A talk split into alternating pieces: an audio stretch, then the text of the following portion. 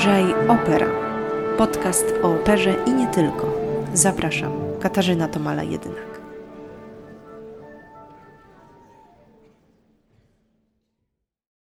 Szczerze mówiąc, miałam ogromne wątpliwości, czy publikować ten odcinek, bo został on przygotowany już wcześniej i miał być odpowiedzią na wydarzenia ostatnich tygodni, a właściwie ostatnich miesięcy, podczas których cały sektor kultury stoi, a właściwie powinnam powiedzieć leży i kwiczy. I tu nie chodzi o to, aby obrażać się na rzeczywistość, w której przyszło nam żyć.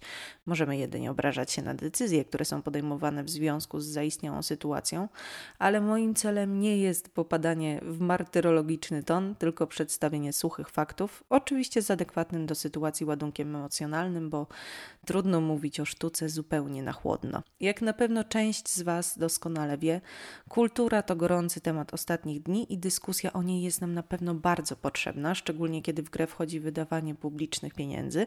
Nie o tym jednak będzie mowa, tylko o szeroko pojętym funkcjonowaniu branży kulturalnej i przede wszystkim o szacunku do ludzi, którzy kulturę tworzą. Bardzo ryzykowny temat w kontekście ostatnich słynnych milionów monet, które mają spłynąć w ramach rekompensaty za poniesione straty, kiedy to artyści wraz z ludźmi, którzy przynajmniej w teorii kulturą się zajmują, zostali wrzuceni do jednego worka społecznych darmozjadów, co w sumie mnie nie dziwi, bo dane przedstawione opinii publicznej w niektórych przypadkach mogą być co najmniej zastanawiające, ale niestety odbija się to rykoszetem na tych, którzy na to kompletnie nie zasługują.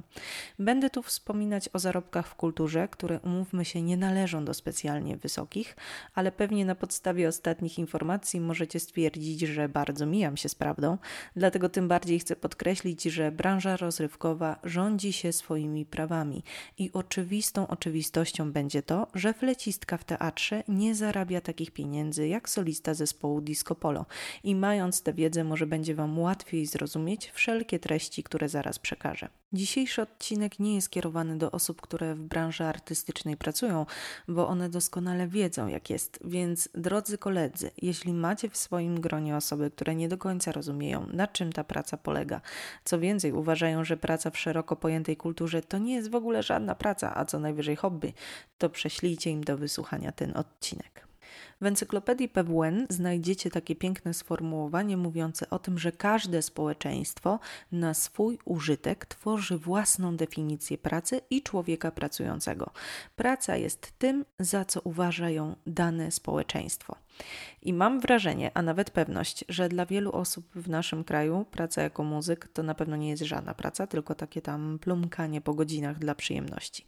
Dlaczego? Dlatego, że pokutuje w nas przeświadczenie, co potwierdzają liczne badania, że praca to przykry obowiązek, często nie jesteśmy zadowoleni z naszego miejsca pracy, z niechęcią wykonujemy powierzane nam zadania i gdyby na przykład pojawiła się korzystniejsza pod względem finansowym oferta zatrudnienia, to bez wahania byśmy ją przyjęli, co tylko umacnia tezę, że nie jesteśmy do końca zżyci z naszym obecnym stanowiskiem i środowiskiem, w którym przyszło nam pracować.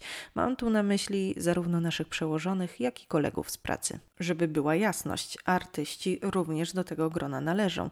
W żadnej grupie zawodowej nie będziemy mieć kompletu zachwyconych ankietowanych, ale proszę uwierzyć mi na słowo, że zdecydowana większość osób pracujących w kulturze zwyczajnie to lubi, ba, kocha. Ja wiem, że jest to słowo, które w zestawieniu ze słowem praca jest dla niektórych niepojęte i chyba tu dochodzimy do sedna problemu. Bo jak można kochać swoją pracę?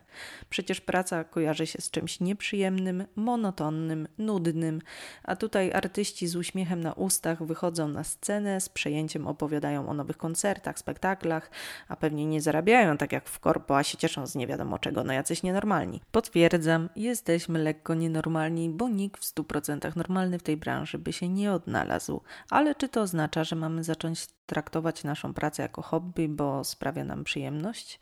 Akurat w tym konkretnym przypadku uważam, że mniejszość wyznacza cel, do którego powinniśmy wszyscy dążyć i szczerze Wam życzę, abyście mogli swoje pasje i zainteresowania przekuć na grunt zawodowy i z satysfakcją mówić, że chodzicie do pracy z dużą przyjemnością. A jeżeli nie jest to możliwe, bo w życiu bywa różnie, mam tego świadomość, to przynajmniej nie patrzcie z ogromnym zdziwieniem na tych, którzy z pasją opowiadają o swoich kolejnych projektach, a już nie daj Boże nie gaście ich entuzjazmu słowami wziąłbyś się do jakiejś normalnej roboty. I tu przechodzimy do kolejnego punktu: normalnej, czyli jakiej? Co oznacza hasło normalna praca? Od 8 do 16 za biurkiem przy komputerze, w takiej, w której szef krzyczy na ciebie, że się nie wyrabiasz, a może normalny zawód to lekarz, górnik, informatyk, kurier, o tak, kurier, proszę bardzo, to jest teraz profesja na wagę złota w trakcie pandemii, ale muzyk, aktor, pisarz, kto ma czas i pieniądze na kulturę w dzisiejszych czasach? Zajmijcie się czymś pożytecznym. Takie słowa padają zewsząd, łącznie z usilnym zachęcaniem, aby się przebranżowić, bo to przecież żaden problem. Pewnie żaden dla chcącego nic trudnego i faktycznie część moich znajomych porzuca swoje dotychczasowe zajęcia i zaczyna działać w zupełnie innej branży. Ale musicie mieć świadomość, że podjęcie takiej decyzji jest naprawdę trudne i po prostu po ludzku przykre. Na pewno łatwiej jest wykonać taki ruch osobom, które nie są emocjonalnie związane ze swoim miejscem pracy, takim, dla których wybór studiów to była kwestia przypadku, same nie do końca wiedziały, co chcą w życiu i twierdzą, że jest im wszystko jedno, gdzie będą pracować. My do swojego zawodu przygotowujemy się kilkanaście lat. To nie czyni nas lepszymi od nikogokolwiek, ani nie powoduje, że powinniśmy być z tego powodu jakoś specjalnie traktowani, ale świadomość, ile czasu, pracy, często pieniędzy i zaangażowania różnych osób wymagało przygotowanie nas do tego zawodu, sprawia, że przebranżowienie się to dla nas ostateczność te wszystkie złote rady. Słuchaj, a może zrobisz kurs programowania, a może coś z telekomunikacją związanego. Tam zarobisz tyle i tyle. I jeszcze multisporta dołożą. My naprawdę nie żyjemy na Marsie, mamy świadomość, jakie są zarobki w innych profesjach, a mimo wszystko trwamy przy swoim wyuczonym zawodzie, bo tak jak już wspomniałam wcześniej, po pierwsze jesteśmy troszkę nienormalni, po drugie naprawdę lubimy to, co robimy, wiemy, że jesteśmy w tym dobrzy i mamy z tyłu głowy myślenie o tym, ile pracy włożyliśmy, aby być w tym miejscu miejscu, w którym jesteśmy, a po trzecie okazuje się, że w branży muzycznej, w zależności od pełnionej funkcji i pozycji artysty, można zarabiać całkiem przyzwoite pieniądze, chociaż wciąż stanowi to mały procent ogółu osób, które w tej branży pracują. Także szczerze doceniam troskę, ale jeżeli będziemy chcieli zająć się czymś innym, to na pewno sami pierwsi Wam o tym powiemy. I teraz, co powinno być normalnością? To, że stwarza się nam warunki, aby móc swe umiejętności kształcić dalej i prezentować szerszej publiczności, to, że poprzez edukację mówi się o tym, jak obcowanie z kulturą jest ważne i potrzebne dla rozwoju człowieka, to, że wspiera się sektor kultury, kiedy on tego najbardziej potrzebuje, czy normalnością jest mówienie o tym, że przecież co to za problem się przebranżowić i zacząć robić coś pożytecznego, cokolwiek to znaczy? To jest pytanie retoryczne.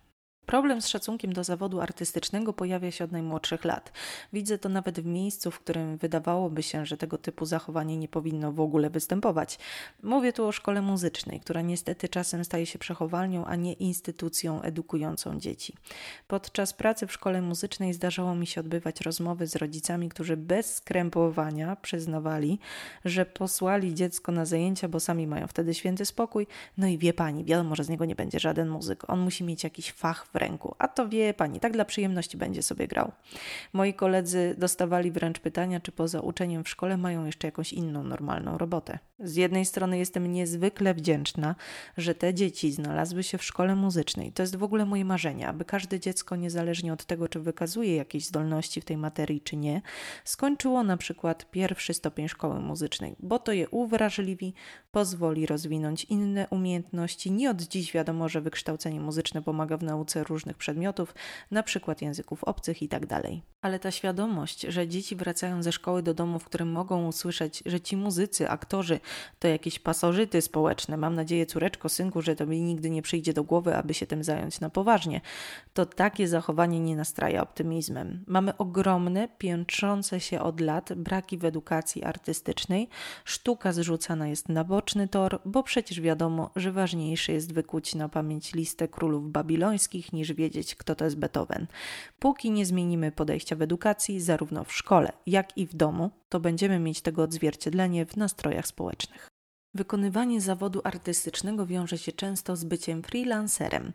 Są plusy i minusy funkcjonowania jako wolny strzelec, ale nie będziemy się teraz nad tym specjalnie rozwodzić. Skupmy się bardziej na specyfice takiej działalności. A jest ona często powodem do dyskusji i pewnego rodzaju niezrozumienia, jak to wygląda w rzeczywistości. Otóż, moi drodzy, tego rodzaju praca wiąże się z udziałem w różnych projektach dziejących się w odstępach czasowych, często w różnych miastach, a nawet krajach. Rytm tych wydarzeń podyktowany jest kalendarzem festiwalowym, grantowym i w przypadku instytucji kulturalnych taki sezon artystyczny trwa przeważnie od września do czerwca tym czasie możemy nawiązać współpracę z różnymi jednostkami. W przypadku opery musicie pamiętać o tym, że przygotowanie premiery trwa od miesiąca do dwóch, więc w tym momencie jesteśmy związani z jedną instytucją i praktycznie niemożliwe jest realizowanie innych projektów. W sytuacji, kiedy nie jesteśmy etatowcami, pracujemy zadaniowo, czekamy na telefon i przyjmujemy wszelakie propozycje współpracy ale to, że jakąś propozycję przyjęliśmy, nie oznacza, że wydarzenie na pewno się odbędzie. Jeżeli z przyczyn niezależnych od organizatorów występy zostają odwołane, a tak dzieje się nagminnie od marca tego roku, to w 99% przypadków nie dostajemy z tego tytułu żadnej rekompensaty. W tym 1% znajdą się nieliczne jednostki, o które w trakcie konstruowania umowy zawalczył ich zawzięty agent, no ale nie każdy ma agenta i tak zupełnie szczerze to instytucje niezwykle rzadko godzą się na tego typu rozwiązania.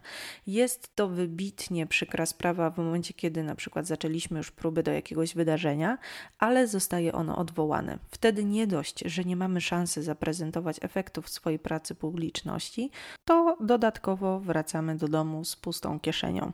Stąd bardzo trudna sytuacja środowiska artystycznego, które myślę, że najbardziej ucieszyłaby po prostu możliwość wykonywania swojego zawodu, ale nie obraziłabym się, gdyby z równą skutecznością, tak jak namawiano do zakupu chryzantem, zachęcano ludzi do wsparcia sektoru kultury, na przykład poprzez zakup biletu na spektakl online. Wracając do specyfiki pracy projektowej, to często spotykamy się z zarzutem, że gdy nie pracujemy, to siedzimy w domu i się obijamy.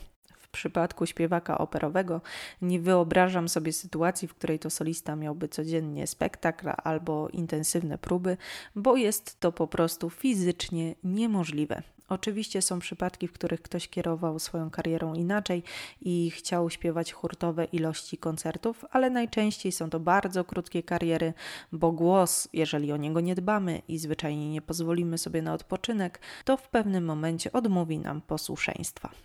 Jeśli chodzi o dyrygentów, to znane są na świecie przypadki takich osobistości, które potrafią zadyrygować trzy koncerty jednego dnia i to w różnych miejscach, ale tutaj również nie ma mocnych. Takie eksploatowanie organizmu na dłuższą metę nie przyniesie nic dobrego i często odbija się na jakości pracy. Wolny czas pomiędzy kolejnymi wydarzeniami poświęcamy na regenerację, na przyswojenie nowego materiału, na ćwiczenia, przygotowywanie i opracowywanie kolejnych partii, dokształcanie się i zdobywanie wiedzy, która przyda nam się przy realizacji kolejnego projektu, bo tak jak w jednym z wcześniejszych podcastów wspomniałam, dyrygent to zawód, którego człowiek uczy się przez całe życie, ale myślę, że tak naprawdę to zdanie tyczy się większości profesji artystycznych, w których wymagana jest nieustanna nieustanna sprawność, zarówno fizyczna, jak i intelektualna.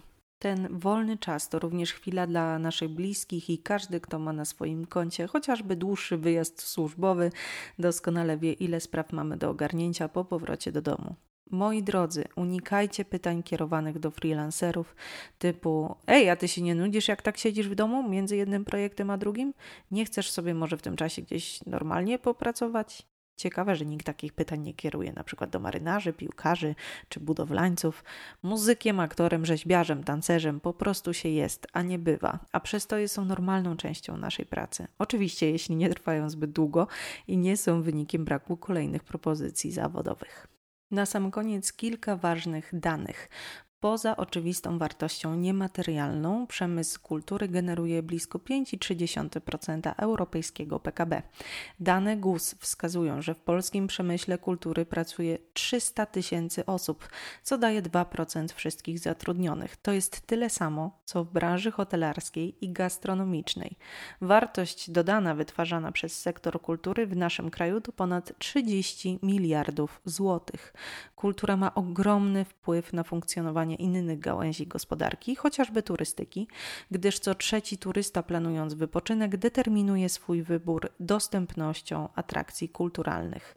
Według badań 50% czasu spędzanego z urządzeniami mobilnymi, takimi jak tablet czy smartfon, poświęcane jest na oglądanie filmów, słuchanie muzyki, czytanie e-booków czy granie w gry. Tak, gry także są ważnym elementem sektora kreatywnego.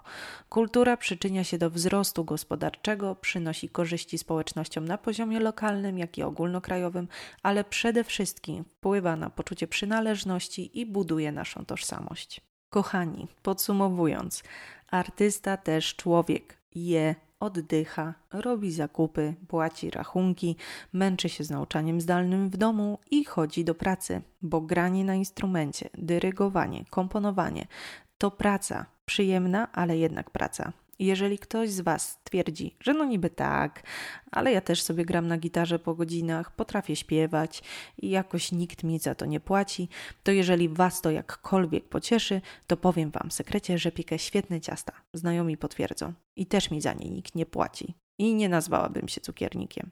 Życzę nam wszystkim, abyśmy efekty działań artystycznych mogli podziwiać jak najdłużej, bo nawet ci, którzy nie zdają sobie sprawy ze znaczenia sztuki w życiu codziennym, odczują jej brak, jeśli zgodnie z zaleceniami zaczniemy się masowo przebranżawiać. Czy każdy, kto pracuje w branży kulturalnej, zasługuje na miano artysty, a jego twórczość niesie ze sobą wysoką jakość i ma jakąś wartość? To już pozostawiam Waszej ocenie. Życzę Wam wszystkim dużo zdrowia i wytrwałości w tych jakże dziwnych czasach. Do usłyszenia.